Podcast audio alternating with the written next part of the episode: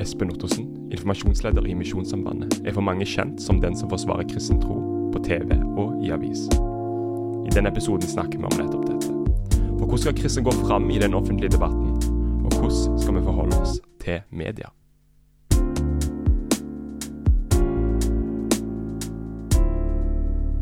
Velkommen her til podkasten, Espen Ottosen. Eh, vi, vi har snakka en gang før på telefon, jeg vet ikke om du husker det? Det stemmer. Ja. Da tror jeg du hadde en dialog med VG. Ja, eh, og det er litt det vi skal gå inn, på nå. For det jeg lurte på da, det var Jeg, jeg, skulle eh, bli intervjua av VG eh, om, litt om min kristne tro i forbindelse med det her som, som hadde med homoterapi Ja. å gjøre. Der jeg kom med en, en litt sånn annerledes eh, Litt annerledes narrativ da enn det som kanskje hadde kommet fram i, i den der homoterapiserien som de hadde, da. Stemmer. Eh, og, så, lurte jeg på ok, hvordan går jeg fram med en sånn sekulær avis, Ja. eh, sånn, som, eh, sånn som VG. Og du er en person som eh, Du var med i den serien, og du har òg blitt intervjua flere ganger eh, og vært med på debatter og, om, om disse temaene. Mm. Eh, hvordan opplever du det?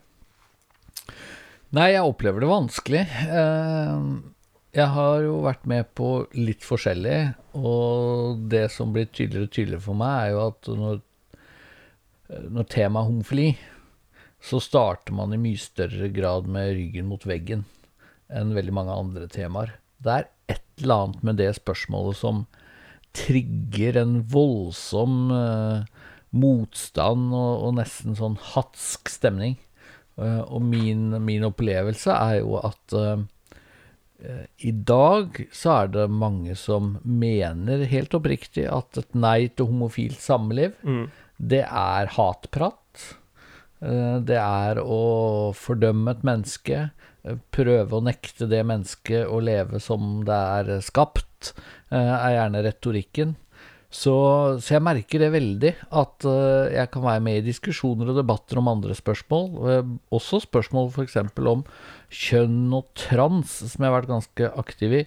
Så, så kan frontene være veldig harde, men der uh, er Er det, det slik bedre? ja, så der opplever jeg jo at jeg kan spille på lag med leger og biologer, og at det er mer avdempa tross alt, da.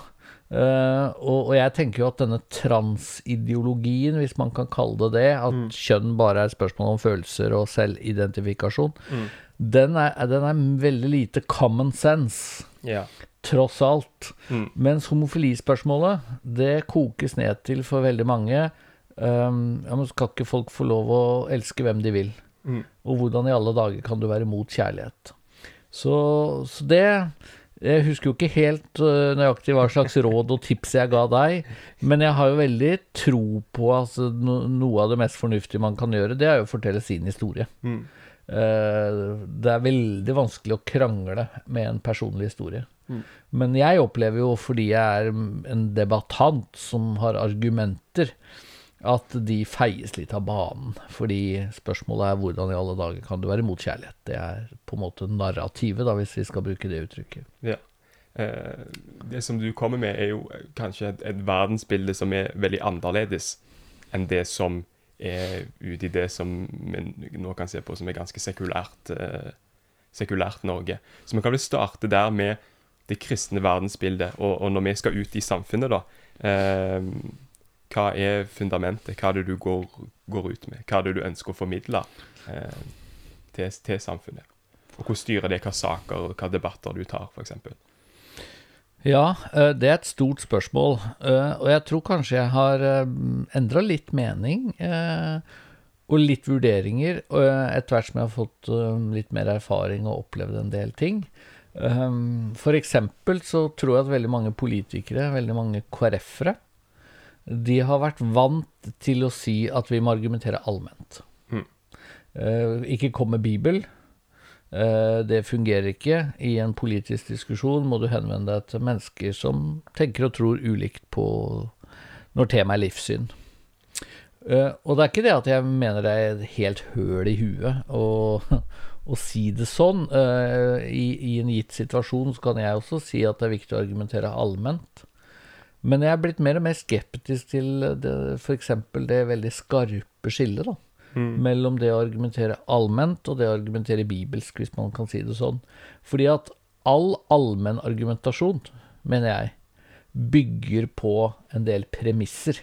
Ja. Um, um, og for eksempel, da, nå skal jeg prøve å ikke la alt handle om homofili, men hvis Mm. man vender tilbake til det spørsmålet, så er det klart det er et sånt grunnleggende premiss i nesten all etisk debatt i Norge i dag, eh, at etikk handler om hva som er skadelig.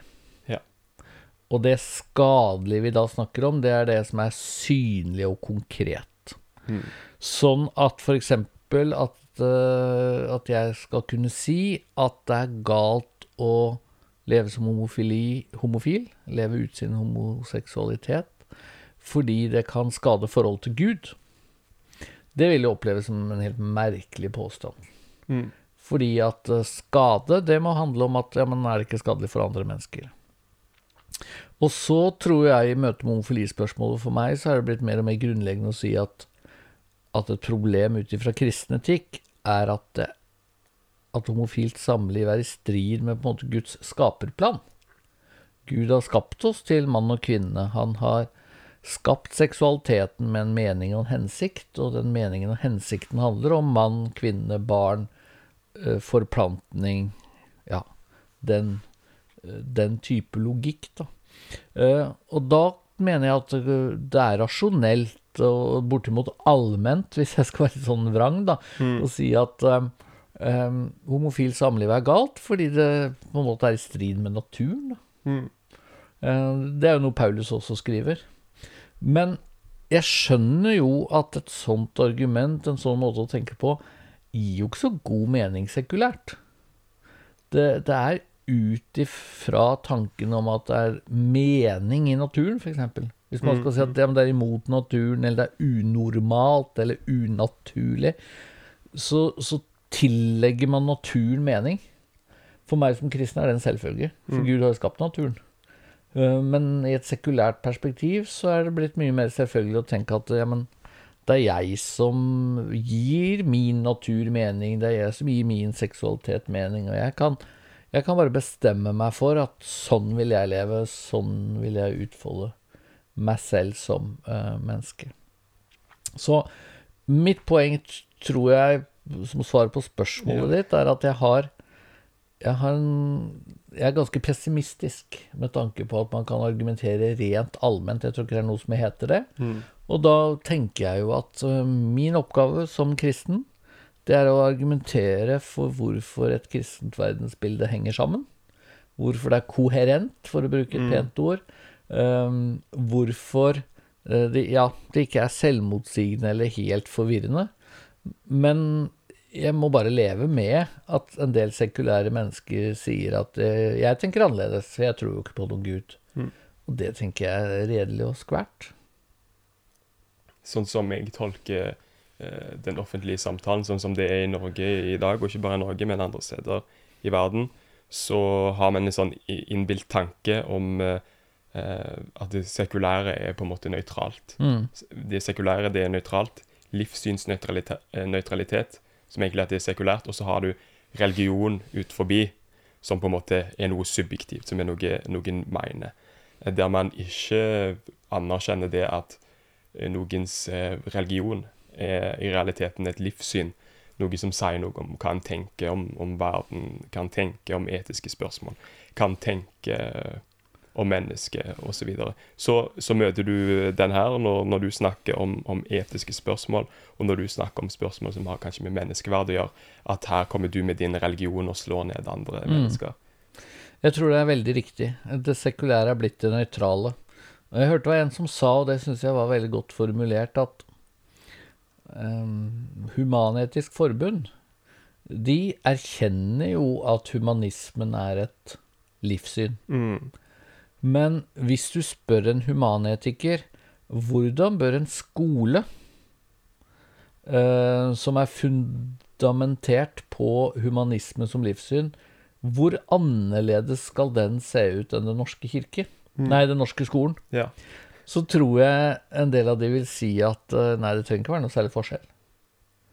Og det er nesten et slags sånn bevis for meg på at ja, men det betyr jo at humanismen, i den forståelse som Human-Etisk Forbund har, har kommet egentlig Den har overtatt Mm. norsk skole. Um, jeg tror, tror faktisk at et Ja, at hvis Human-Etisk Forbund lagde en grunnskole, så ville det ikke være særlig mye endringer. Ja. På, på en I hvert fall ikke en skole på Østlandet, hadde jeg nær sagt, med en rektor som er humanetiker. Mm. Den, den rektoren tror jeg har en mulighet til å lage en skole som i, i veldig stor grad er sekulær. Da. Ja. Det er jo evangeliet Jeg hørte du snakke om det her eh, en annen gang. Det er jo evangeliet som, som man kanskje ønsker å, å nå ut med først og fremst. Altså Kirka sin oppgave, oppgave det er jo det. Eh, dens oppdrag er jo å Mm. nå ut med evangeliet og spre Guds rike på den måten. Mm. Eh, Syns du det noen gang kan havne litt på sidelinja når man kommer inn i debatter om homofili, og om eh, abort, om kjønn, om osv. osv.? Mm. Ja, det dilemmaet opplever jeg som veldig reelt. Um, og, og det er jo kanskje det beste argumentet for at man bare, bare bør ligge unna eh, samfunnsdebatten. Og tenke Jeg har nok møtt prester og pastorer som omtrent tenker sånn at at skal jeg våge meg ut på den offentlige arenaen, så er det for å forkynne evangeliet. Og blir jeg spurt om hva jeg mener om eggdonasjon, Mm. eller eh, eh, flerkoneri, hadde jeg nær sagt, eller eh, tilfeldig sex, så, så sier jeg nei. For det er ikke min oppgave. Min oppgave er ikke å være moralist. Mm. Og så og, og jeg har veldig respekt for det. Jeg tror faktisk kanskje også at det er noen som skal tenke sånn. Altså vi vi kristne, da. Vi er ulike, vi har ulike oppgaver, og jeg tenker det er helt greit at vi tenker også at vi har ulike roller. Eh, Så, så spørsmålet blir jo hvorfor stille opp, da? Eh, For jeg gjør det jo. Mm. Eh, og, og jeg tror min tanke har vært at at jeg tror det, den kristne måten å tenke om disse kontroversielle spørsmålene, den deles av mange, mange, mange tusen mennesker i dette landet. Og jeg syns det Det ville jo blitt et veldig ensrettet samfunn hvis eh, slike synspunkter aldri ble fremført. Mm. Og, og jeg tror det rundt neste sving ville vært veldig skadelig, fordi hvis, hvis folk ikke får, får vite at det fins si, forhåpentligvis da, gode grunner og rasjonell argumentasjon til støtte for et klassisk kristent ståsted, hvor mye toleranse blir det igjen da, hvis man ikke engang vet at den slags fins? Mm. Så jeg har tenkt at eh, jeg stiller ikke opp i disse debattene, for jeg tror jeg kan liksom overbevise hele Norges befolkning eller få fryktelig mange til å skifte mening. Men jeg stiller opp for jeg tenker det er viktig å forklare hva vi står for, og be om respekt Mm. for det ståstedet. Og kanskje få litt mer forståelse for at ok, det er faktisk ikke homohat som ligger bak. Det er eh, respekt for Bibelen. Eh, det er faktisk ikke sånn at vi eh, overhodet ikke har medfølelse med kvinner som er blitt gravide uten at det var planlagt. Ja. Eh, Men vi tror at et lite foster også har menneskeverd. Um, For jeg tror at hvis ingen av oss stiller opp, så vil også våre synspunkter bli karikert, da. Så, så ja, det er litt av grunnen til at jeg stiller opp. Men, men det hender jeg misunner, da. Egil Svartdal eller, eller noen eh, kristne ledere som eh, overhodet ikke er debattanter, men som eh, kanskje bruker mediene ja, til å formidle evangeliet i større grad. Da. Men det er klart, de får ikke sjansen i Dagsnytt 18 uansett, akkurat det. Nei. og eh, litt på grunn av det som du sier her, så kan det jo være lurt også å tenke gjennom hvordan en skal gå fram, da. Mm. Eh, fordi at jeg ser jo eh, kristne noen ganger som enten de skriver ting på Facebook, eller de har en type retorikk som vi tenker ok, det var kanskje ikke så lurt. Det er kanskje ikke beste måten vi skal gjøre det på. Samtidig så kan vi jo lese det i Bibelen at eh, altså Jesus sier sjøl at hvis de hater meg, så vil de også hate dere. Mm. Han kaller oss ikke inn i, eh, i eh, et slags liv der alle bare skal elske oss, og det at alle elsker oss, er tegnet på at det vi gjør, er rett. Heller at han kaller oss inn i et liv der vi faktisk kan risikere at det, Eller der det er, er garantert, hvis vi skal, hvis vi skal tro eh, Paulus og Peter osv. Og, så videre, og, og Jesus sine egne ord, Mm. at det vil bli forfølgelse. Så hvordan skal en gå fram da, der en ønsker at det skal være forståelig, eh, men en ønsker ikke å støte vekk folk med vilje. En Mm. ønsker å opptre vist, eh, videre. Jeg syns du beskriver det godt, og jeg tenker også at det fins to grøfter å, å gå i. Altså hvis man jeg, jeg prøver å tenke sånn at hvis jeg har sagt noe som tydeligvis provoserer noen fryktelig, eh, så er det to grøfter å gå i. Den ene grøfta, det er å si at eh, Jesus har sagt har de forfulgt meg, vil de forfølge dere. Eh, og tilsvarende bibelvers. Så selvfølgelig blir folk provosert. Det er nesten et bevis på at jeg sa det som var sannheten, at folk er rasende. Det tenker jeg er en grøft å gå i, fordi det finnes jo en mulighet til. Og det er at jeg uttrykte meg uh, unødvendig uh, sårende, eller jeg uttrykte meg kanskje hetsende, eller folk opplevde at jeg latterliggjorde det de sto for, eller et eller annet. Um, I teologien så har vi av og til snakket om at det er et anstøt i evangeliet, men det fins også falske anstøt. Og falske anstøt er jo at kristne ikke oppfører seg som de bør. Eh, og så tror jeg jo at det heller ikke finnes noen sånn lettvint fasit. Altså Jeg har selv eh, spurt meg spørsmål noen ganger når, når noen er blitt provosert eller havna i en oppheta diskusjon. Kunne jeg sagt dette annerledes? Kunne jeg på en måte sagt det samme uten å provosere? Har jeg sagt noe som, som jeg tror er helt innafor, men så skjønner jeg etterpå at oi, det misforstås fullstendig. Jeg husker fortsatt jeg var i en debatt eh, på Twitter hvor, eh, hvor jeg snakket kritisk om uh, surrogati, tror jeg. Eh, og jeg sa noe om at det å Altså det er en forskjell på at eh, barn blir planlagt farløse. Kanskje det var primært en eh, diskusjon om kunstig befruktning. Jeg husker ikke detaljene. Men altså det at vi planlegger at dette barnet Vi vet fra første stund at det barnet ikke får noen far. Det sa jeg, det er noe annet enn at eh, noen mennesker må bli adoptert bort. For når noen blir adoptert bort, så tenker jeg at eh, det er jo ikke noen ideell løsning. Det ideelle ville være at eh, barnet bor hos mor og far, men det er den beste løsningen. Mm. Og da husker jeg jeg fikk en enormt kjør på at eh, jeg snakka veldig stygt om adopsjon. Og veldig stygt om det å bli adoptert. Og at jeg også signaliserte at eh, adoptivforeldre var ikke ekteforeldre. Mm. Og, og, og jeg husker jeg tenkte og funderte, jeg vet ikke om jeg lå søvnløs en natt, men det var vel ikke langt unna på Har jeg sagt det på en sånn måte? Jeg har jo nære venner som har adoptert barn, eh, og som er adoptivbarn.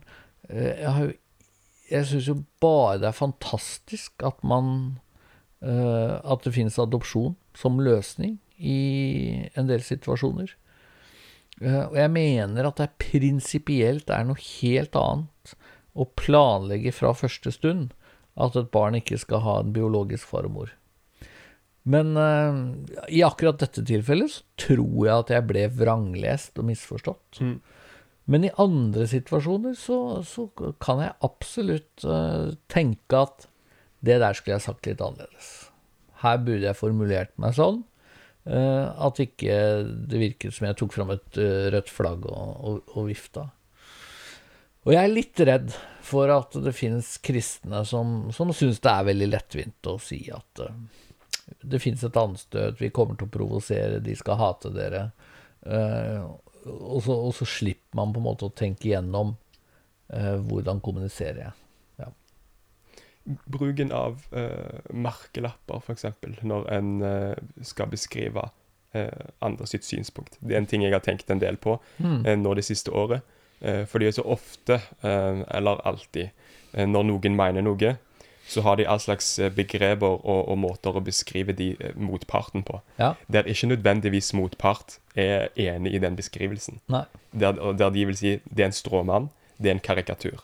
Ja. Eh, der de ikke vil bruke den type språk om seg sjøl. Ja. Eh, og i Norge har vi hatt homoterapidebatten. Konverteringsterapi, homoterapi.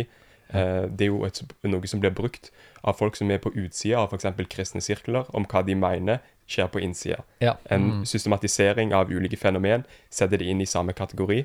Og så vil kanskje du eller andre si at ja, men det har jo ingenting med det å gjøre, og det har ingenting med det å gjøre, og jeg er imot det, men jeg syns at det her kan være, Ja, kan ja. positivt. Eh, andre som ikke er kristne, da, eh, når vi snakker om de, hvordan skal vi snakke eh, om det som de mener og tror på, på, på en måte eh, som er der vi både får fram sannheten, Ja. eh, det, vi, det vi tenker er sant, men der de kanskje føler seg eh, representert rett, at vi fremstiller de rett. Eh, og bare for å slenge ut noen ord der, noen ord jeg har tenkt sånn spesielt på, det er folk som eh, bruker ord sånn som transtoget, eller eh, du nevnte kjønnsideologi, radikal kjønnsideologi. Ja. Eh, det, er jo ikke, det er jo ikke sånn, det er ingen som sier at de eh, tror, Jeg på, står Jeg står for en radikal kjønnsideologi. Det jo, Ja. det, hvis jeg leser det et sted, så vet jeg at det er kritisk, for det er ingen som sier om seg sjøl at det, det er det som jeg tror på. Nei. Men det er godt observert. Um, og jeg tror helt sikkert at um, jeg og en del andre som er på en måte aktive i debatter, da, lett eh, tyr til litt sånn lettvint retorikk, da. For det er jo kanskje det det er. Jeg, jeg studerte filosofi for noen år siden. Begynte på Universitetet i Oslo. Og noe av det mest interessante, syns jeg, det var at når jeg begynte å skrive oppgaver, så fikk jeg jo beskjed om at min måte å skrive på altfor ofte ikke var hva skal vi si, nøytral nok, saklig nok.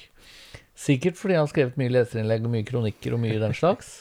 Eh, og læreren, eh, eller flere lærere, sa at idealet her, ideal når du driver med filosofi, det er å presentere motpartens argumentasjon enda bedre enn han selv klarer. Mm.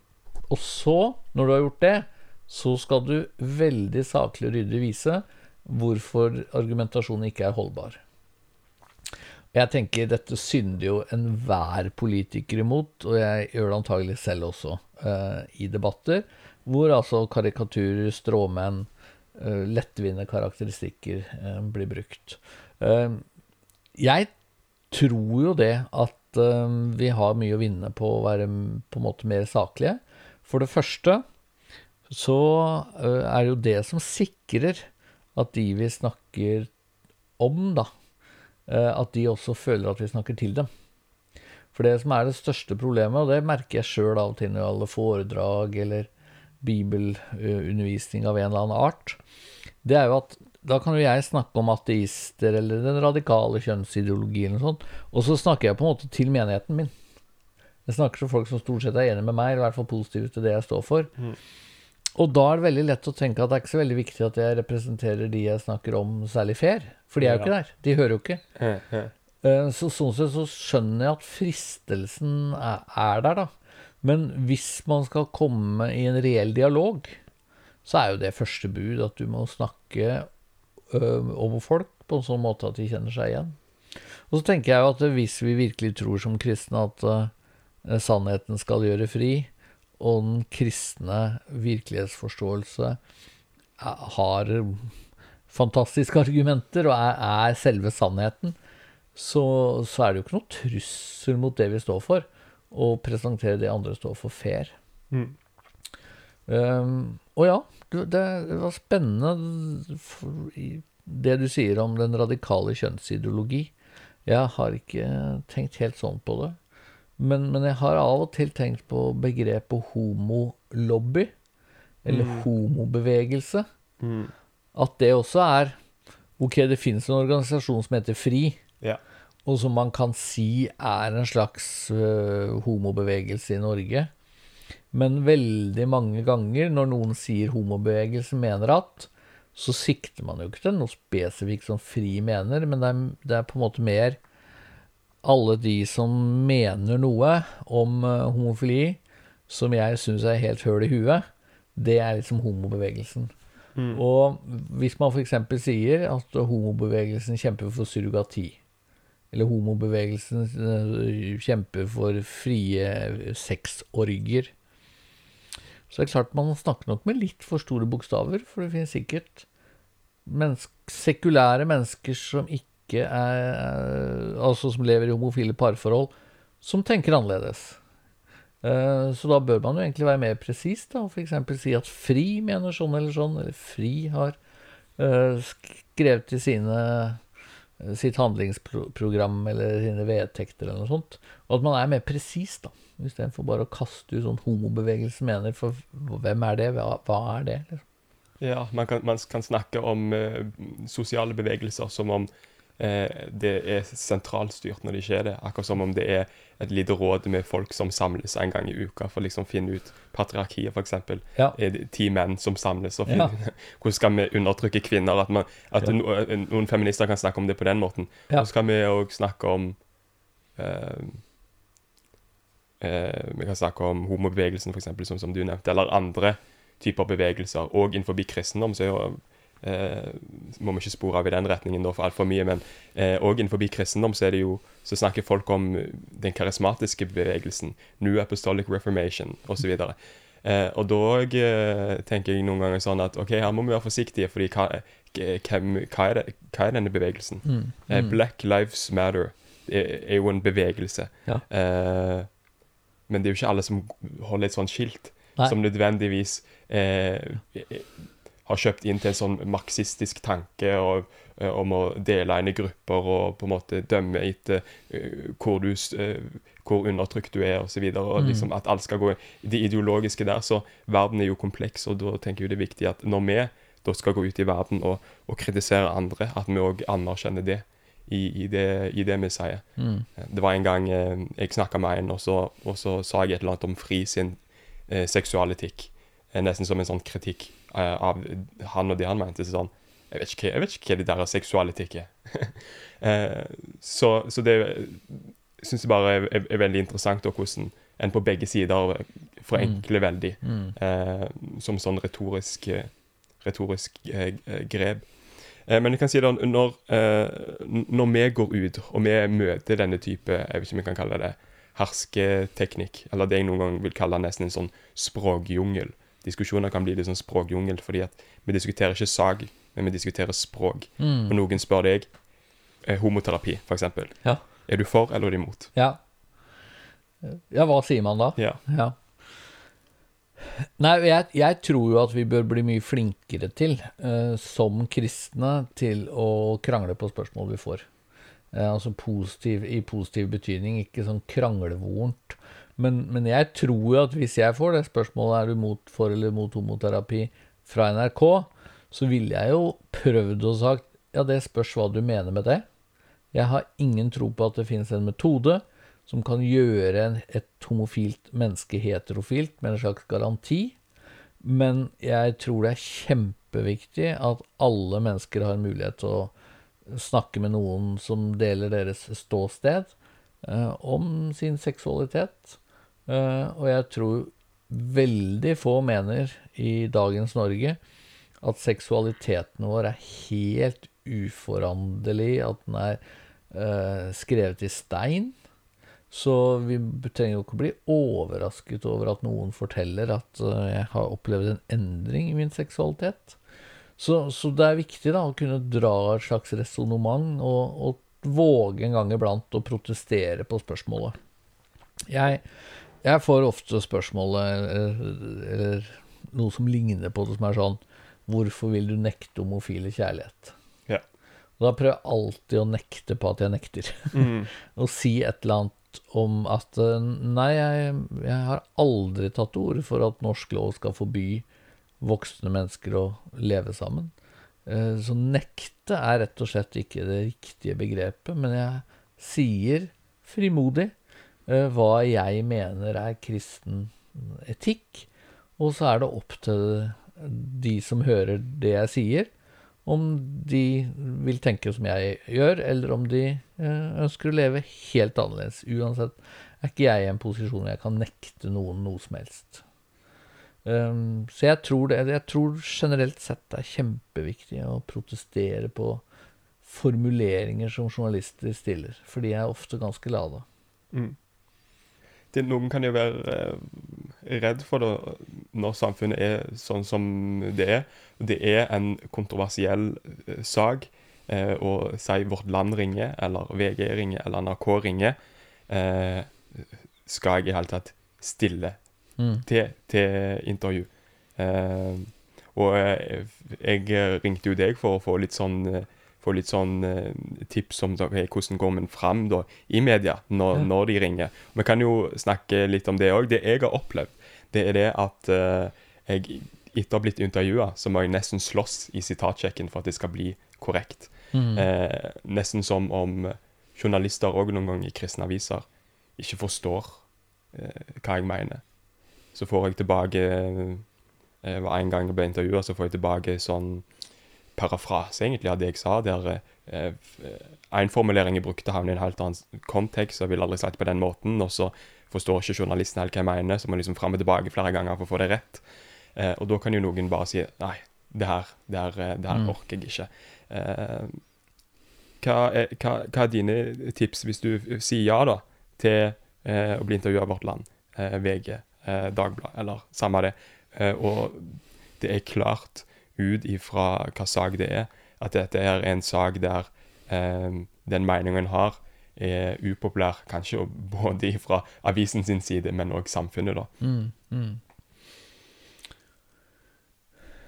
Altså, jeg har stort sett gode opplevelser med journalister. Jeg har lyst til å si det. At, um, og det er viktig egentlig for meg å ha også som holdning at journalister gjør jo stort sett jobben sin. Så i den grad jeg skal være ordentlig gretten på en slags vinkling eller et eller annet sånt, eh, så er det jo gjerne vaktsjefen eller redaktøren eller redaksjonslederen jeg bør bli sur på, eh, og ikke journalisten som stiller de spørsmålene vedkommende antagelig har fått beskjed om å stille. Mm. men men eh, jeg kan være varsom-plakaten ganske godt. Eh, og noe av det som står der som er kjempeviktig, det er jo uh, at en journalist plikter å oppgi uh, premissene for intervjuet eller samtalen. Så det å prøve før man svarer, å finne ut mest mulig om hva slags sak er dette, hvem andre er det man kommer til å snakke med, det, det er et godt tips, tror jeg. Det er, det er viktig å, å tenke gjennom uh, for, jeg si, rammene for det man sier. Fordi at um, sitatsjekken, så får man jo bare se det man sjøl sier. Mm. Men hvis, uh, hvis man da vet at det er intervjua noen andre som antagelig er helt uenige, så, så kan det få litt betydning for hvordan man ønsker å svare. Og så tenker jeg at jo mer kontroversielt et tema er, jo mindre må man jo si. Mm. Eh, For det er jo ofte utfordringen, at man kanskje stiller opp på et intervju som blir ganske langt, og man forklarer og forklarer og forklarer. Og så vil jo journalisten ta ut det aller mest juicy. Ja. Eh, og det som du kanskje tenker var kjempeviktig for konteksten, Mm. det blir borte. Ja. Jeg husker for mange år siden så, så måtte jeg stille opp fordi det var laget et, eh, et VG-oppslag om at man eh, i et ungdomsblad Misjonssambandet hadde, så sto det et eller annet om at abort var drap. Um, og da uh, husker jeg at jeg fikk spørsmålet Mener du at abort er drap, er det noe Misjonssambandet står for? Jeg tror ikke jeg svarte sånn kjempebra, jeg, uh, og jeg angrer litt på at jeg ikke var tydeligere på å si at vårt fokus er jo ikke å fordømme eh, fortvilte kvinner. Vårt fokus er jo en lov som setter kvinner i en så forferdelig vanskelig situasjon. Eh, at de kan oppleve det som nesten en selvfølge eh, å be om abort. Men, eh, men tilbake til det jeg faktisk sa. Jeg husker jeg sa det at uh, ut ifra kristen etikk er det mye som er synd, og det er i seg selv ikke så alvorlig fordi vi også forkynner tilgivelsens mulighet. Men ja, abort er synd. Et eller annet sånt, sa jeg. Og da, hva ble tatt med? Jo, ja, abort er synd. Mm. Det var alt som uh, Og da opplevde jeg litt av det du beskrev også, at jeg brukte masse tid på å krangle mm. med journalisten for å få inn litt mer kontekst. Og det er jo ikke noe selvfølge, fordi at det er jo en journalists oppgave å velge ut det som er mest interessant, og jo lenger man snakker, jo mer man sier, jo mer åpenbart er det jo at ikke alt kommer til å komme med. Og det er journalistens oppgave, ikke deg, som blir intervjua, å bestemme hva som skal være med. Så sånn sett så er jo mitt råd alltid at jo vanskeligere saker, si minst mulig. Si de sju setningene eller seks setningene som du har på hjertet, for ellers mister du kontrollen, rett og slett. Mm. Og så er det bra å høre at du ber om sitatsjekk, for det er jo kjempeviktig. Ja. Hvordan vet du hva, eh, hva, slags saker du skal være eh, opptatt av når du eh, Hvis du går rundt og snakker et sted, eller ellers Kristne, gjerne konservative kristne, de har jo spesielt fokus på eh, kjønn, kanskje, på eh, abortsaken. Eh, altså man jobber for det ufødte, ufødte liv. Nå det her med konverteringsterapi. Um, og gjerne det her med hatytringer. Man er bekymra for det. Mm. Men så er det noen litt mer progressive liberale, kanskje spesielt i Den norske kirke, da, som kommer med, med, sin kritikk. Ja, men klima. Ja, hva med sosial rettferdighet, mm. eh, likhet, økonomisk urettferdighet? Hva med eh, rasisme? Ja. Eh, hva med politivold? Hva med alle disse her ulike sakene? Eh, hvordan, avgjør du hva som er viktig å, å, å, å snakke om, og, og, hva som er en kristen oppgave, eh, altså den kristnes oppgave eh, å snakke om? Eh, hva, hvordan avgjør du hva det kristne verdensbildet, om man kan si det sånn òg, siden du er teolog, hva mm. den eh, uttale seg om? Ja, litt av problemet med spørsmålet ditt nå, føler jeg, er jo at du eh, gir meg nok mer innflytelse enn jeg føler jeg av og til har. Mm. Altså Du protesterer på spørsmålet? Ja, ja, ja. Jeg prøver å praktisere det jeg sier. Ja. Men, men, men det, det, jeg tror jeg tenker, er at i hvert fall nesten alt som handler om uh, de store mediene, Mm. Altså, hva sier jeg til Aftenposten, hva sier jeg til VG, hva debatterer jeg i Debatten eller Dagsnytt 18? Alt sånt er journaliststyrt. Ja, du blir invitert, jeg eller blir spurt, du bestemmer. Ja, du, vi skal ha en debatt sånn og sånn, kan du være med, hva tenker du om sånn og sånn? Mm. Slik at det, det er jo mitt valg. Eh, det er ikke mm, Skal jeg nå snakke litt om rasisme? Mm. Eller uh, kanskje tiden er inne til å si noe om klima? Ja. Men spørsmålet er vil du være med, eller vil du ikke være med i en debatt om mm. uh, trans? Eller noe sånt. Um, så det er klart, når jeg holder foredrag eller taler, eller blir bedt om å komme hit eller dit for å, for å ja, forkynne, så styrer jeg jo i mye større grad uh, agendaen. Mm.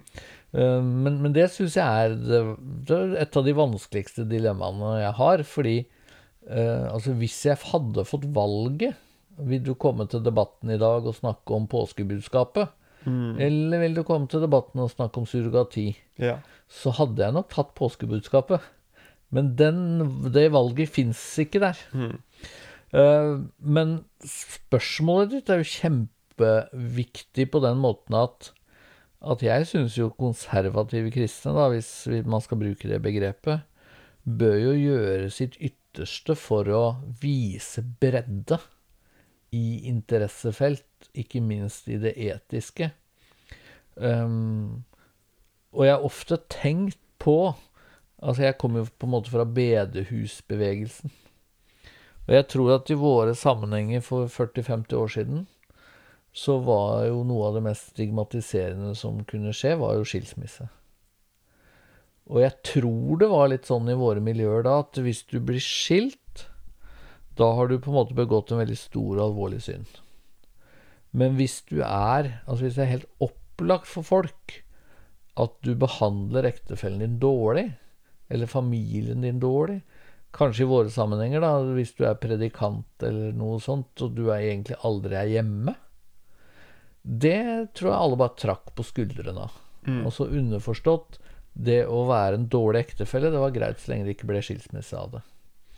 Og, og det er noe jeg, jeg tror alle generasjoner, og for så vidt alle kristne, bør ha det som et sånt spørsmål. Er det noe viktig jeg overser her? Blir jeg for enspora? Og kanskje særlig velger jeg å være opptatt av synder som jeg ikke selv syns er særlig vanskelig. At her sitter jeg 50 år gammel og kan rase imot sex før ekteskapet. Eller, eller surrogati. Eller homofilt samliv. Og det berører meg jo minimalt. Og det berører i hvert fall ikke mitt personlige liv her og nå. Um, men tør jeg å snakke om uh, materialismens utfordringer? Våger jeg å snakke om uh, hovmot, mangel på gjestfrihet? Uh, er jeg virkelig opptatt av eh, rasisme som problemstilling? Eller, eller ja, velger jeg ut det som det er lettvint, da? Og, og når temaet er samliv, så tror jeg f.eks. at det er en del ja, konservative kristne som mye heller snakker om homofili Mm. enn samboerskap. Selv om samboerskap er utrolig mye mer vanlig, så tror jeg veldig mange har hatt eller har et barn som er samboer. Eller de skal i familieselskap neste helg til en bror eller en søster eller noen som er samboere. Og da er jo det litt sånn ubehagelig å si veldig høyt, tydelig, offentlig at man mener at samboerskap er synd. Så da kan man heller ta omfli. Mm. Og så Det er klart noen har det tett på livet òg, men mange har det ikke. Og så blir det kanskje litt ekstra lettvint av den grunn. Hva når det her blir veldig eh, politisk? Da syns jeg det blir eh, litt vanskeligere Og, å, å snakke ifra et eh, kristent eh, perspektiv. Og jeg nevnte klima, eh, og der har du òg sånne ting som, som oljeleting. Ja. Og nevnte jo òg rasisme eh, osv. Altså selvfølgelig det å være imot rasisme, eh, det er, er de fleste enig eh, De fleste er enige om det. Um, men det er jo ikke sånn at eh, ingen sosial bevegelse eller ingen standpunkt er nøytrale, altså ideologisk nøytrale. En har visse tanker om, om, om verden eh, der eh, den offentlige samtalen er veldig prega av ulike ideologier, ulike tankesett, mm. ulike mm. ideer. da. Um, Ja, og rasisme er jo et sånt begrep som, som egentlig betyr to vidt forskjellige ting. Om du står på hva skal du si, den politiske høyreside eller politiske venstreside. Står du på høyresiden, så er rasisme på en måte sånn eksplisitt nedvurdering av mennesker på bakgrunn av hudfarge og, og den slags. Og underforstått det fins nesten ikke reell rasisme i Norge. Mm. Også på venstresiden så er rasisme først og fremst noe strukturelt eh, som handler om at eh, mennesker med en mørk hudfarge eh, opplever større trøbbel i en butikk eller i en sikkerhetskontroll eller på en reise eller i møte med politiet når man er ute på tur. Mm. Eh, og det, det er jo nesten blitt eh, umulig å snakke om det fordi at man bruker begrepet kjempeulikt. Mm. Det var en, eh, en digresjon, da. Mm. Men, men jeg tenker at uh, eh, Alle disse spørsmålene er jo, er jo viktige ut ifra kristen etikk, men, men noen er jo mer politiske enn andre. Og noen debatter handler kanskje også mer om virkemidler enn hva er rett og galt. Og virkemidler må vi jo respektere i større grad uenighet om, tenker jeg. Men hvordan går en fram da, når, når det er tydelige ideologiske skillelinjer? Der noen ganger sier vårt kristne verdensbilde noe spesifikt om det, Mm. uh, og andre ganger så sier ikke den spesifikt om vi skal lete etter olje eller ikke. Eh, og, men likevel så sier biskopene noe om det, på en måte. Så uh, hvordan skal en gå fram med, med tanke på det? Og kan jo også hive inn der Nå har vi den Ukraina-krisen der mange vil peke på alle de utfordringene som, som kommer med det, den humanitære krisen osv. Mm. Men så er det òg et politisk aspekt, der noen hiver seg inn i en slags sånn eh, analyse av problemet og, og peker på hvordan ting burde vært annerledes fra vår side, og, og, og så videre. Og der, så der har du vanskelige politiske spørsmål som kristne eh, mener noe om. Eh, så jeg tror spørsmålet mitt er hvordan vi går fram i, i sånne tilfeller der eh, det er litt eh, mer komplekst da enn eh, er du for eller imot noe som Bibelen sier galt. da. Ja. Og, og jeg tror at jeg dessverre må starte med å si at jeg syns det er komplekst. Eh, og noe av eh, En av aha-opplevelsene jeg har fått knytta til dette, er at, at jeg har jo tenkt sjøl, da. Så det er jo selvfølgelig lett å gjøre. eh, at jeg er veldig god til, å, til å bry meg om de spørsmålene hvor det er veldig tydelig hva som følger av kristen etikk, og så engasjerer jeg meg i de. Og så sier jeg om andre spørsmål, eh, som, som klima og oljeleting i Lofoten og sånne ting. Altså det, det må vi bare overlate til politikerne. For det, her, du finner ikke noe bibeltekst om eh, oljeleting i, Lo- i Lofoten. Og til en viss grad så, så, så mener jeg, overordna sett, så mener jeg at vi må prøve å sortere litt mellom de spørsmålene som øh, jeg å si, Hvor det er kort vei fra Bibel og til et etisk standpunkt, og de spørsmålene hvor det er en lang vei. Eh, og for meg så er det en kort vei å si at abort er eh, Altså ut ifra kristen etikk er abort galt, og det betyr at det å støtte en abortlov som sier eh, at foster under tolv uker ikke har noen som helst beskyttelse, for meg er det ganske enkelt, eh, og som sagt en kort vei fra etikken til den politiske konklusjonen, mens oljeboringen i Lofoten for meg er helt annerledes. Men, men der jeg møtte meg selv litt i døra, tror jeg kanskje jeg kan si, det er spørsmål om surrogati. For det har engasjert meg. Eh, og jeg, jeg tror jeg lett eh, engasjeres av eh, spørsmål som handler om samlivsetikk, og spørsmål som handler om menneskeverd. De har på en måte trigget meg. Og, og for meg så er det et eller annet sånn grunnleggende problematisk ved ideen om at et svangerskap er en slags tjeneste som mennesker kan kjøpe og selge. Men der vil jo noen si at du må gjerne mene det, Espen, men eh, hvor står det i Bibelen? Eh, og det hadde jeg ikke tenkt så veldig nøye over. Og så plutselig fikk jeg, jeg tror det var Christianity Today, dette amerikanske kristne bladet som vel egentlig blir starta av Billy Graham, og som jeg abonnerer på, som hadde en stor sak om evangel en evangelisk kristen organisasjon i USA som uh, øh, drev med surrogati på kristen grunn. Og jeg leste den artikkelen og tenkte at her, her var jo, Og der var jo argumentasjonen at um, barnløshet er på en måte en tragedie. Vi har en plikt til å prøve å ivareta um, barnløse mennesker. Fins det noen større kjærlighet å gi enn å tilby seg å være gravid for å hjelpe et par? Og så husker jeg ikke detaljene her, om ideen er at surrogatmor bare er surrogatmor, og at altså egg kommer fra det biologiske mor, sæd kommer fra far, så har du en surrogatmor som bærer barnet frem, men så er det da biologisk far og biologisk mor som får barn etter fødselen og oppdrar det. Eh, om, det om det var sånn, og i hvor stor grad man var streng på det, husker jeg ikke lenger. Men det gikk i hvert fall opp for meg at for disse konservative etter forholdene, amerikanske kristne, så var det slett ikke opplagt at surrogati var noe man skulle være imot, punktum. Um, så for meg er det blitt en liten sånn påminnelse om at at jeg tror konservative kristne, og jeg også er blant de, da, som, som fort velger ut en del temaer og tenker at dette er på en måte klassiske kristne kampsaker. Her trenger det ikke være noe tvil om hva man, hva man mener så lenge man er konservativ. Mens det finnes en del andre temaer som, som er mer politiske, og som vi får overlate til politikerne. Nå renner tida vår eh, ut nå, så vi må snakke om, mot en slutt. Det siste jeg vil si om, akkurat det her, er jo eh, kanskje det at det er viktig å skille imellom eh,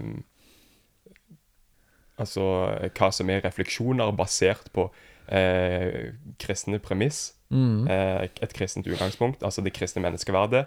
Eh, vi kan se ut fra Bibelen hva det, hva det er, det kristne menneskesynet, og så kan vi dra eh, implikasjoner ut ifra, ja. det. Og, Ja. og drive med resonnement, så kan andre være uenige i vårt resonnement, men så har vi en diskusjon på det grunnlaget. Ja. Vi skiller mellom det og, og, og, og direkte fra Bibelen, så sier Herren.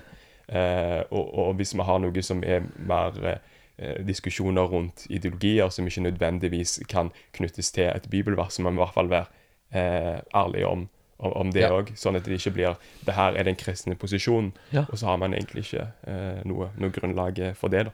Og jeg tror det er kjempeviktig, og, og det tror jeg nesten bare er positivt, at man går inn i den type diskusjoner. For det, altså ingen er jo tjent med at, eh, at eh, kristne reagerer bare på refleks. Mm. Eh, og bare tenker sånn automatisk at eh, hvis jeg er en konservativ kristen, så er jeg mot sånn og sånn og sånn og sånn, og for sånn og sånn og sånn og sånn. Uten at man egentlig da prøver å sortere. Hva er Bibel her? Hva er systematisk teologi? Hva er ideologi? Og hva er mer en diskusjon om eh, hvordan anvender jeg de prinsippene som vi kanskje er enige om? Vi bare er uenige om hvordan vi anvender det. Vi trenger sånne diskusjoner, og sånn sett så kan det være veldig befriende å møte mennesker fra en annen kultur, da, f.eks. fra USA, som går inn i noen av disse spørsmålene på en annen måte. Da må vi gå mot en slutt. Helt, helt til slutt så eh, ehm, Jeg har jo sett noe Jeg lurer på om du skriver en etikkbok nå, stemmer det? Eller har skrevet, eller Jeg jobber med en jobb, eh, bok om eh, etikk og Eller metaetikk. Ja. Er, det, er alt tillatt uten Gud? Mm. er litt av problemstillingen. Hvor, hvor mye objektiv etikk får man ut av sekulær tenkning? Mm. Mm. Du skal på, så skal du på eh, nå i kveld på en eh, panelsamtale, så du gjør litt ulike ting. Eh, hva er du mest opptatt av nå eh, framover? Alle menigheter de har jo en sånn visjon, så eh, trenger ikke legge ut hele livet ditt framover litt sånn hva er det du holder på med akkurat nå? Jeg holdt på å si at jeg tar en, eh, en dag av gangen. Akkurat i Misjonssambandet nå, så er det det, det det store er jo sommerens generalforsamling. Mm. Eh, Så det er jo det som mye av jobben min går med på, å planlegge det. Jeg håper det blir, etter litt utsettelse pga. korona og sånn, så håper jeg det blir en utrolig sterk og fin og oppbyggelig og god samling i, i Vestfold.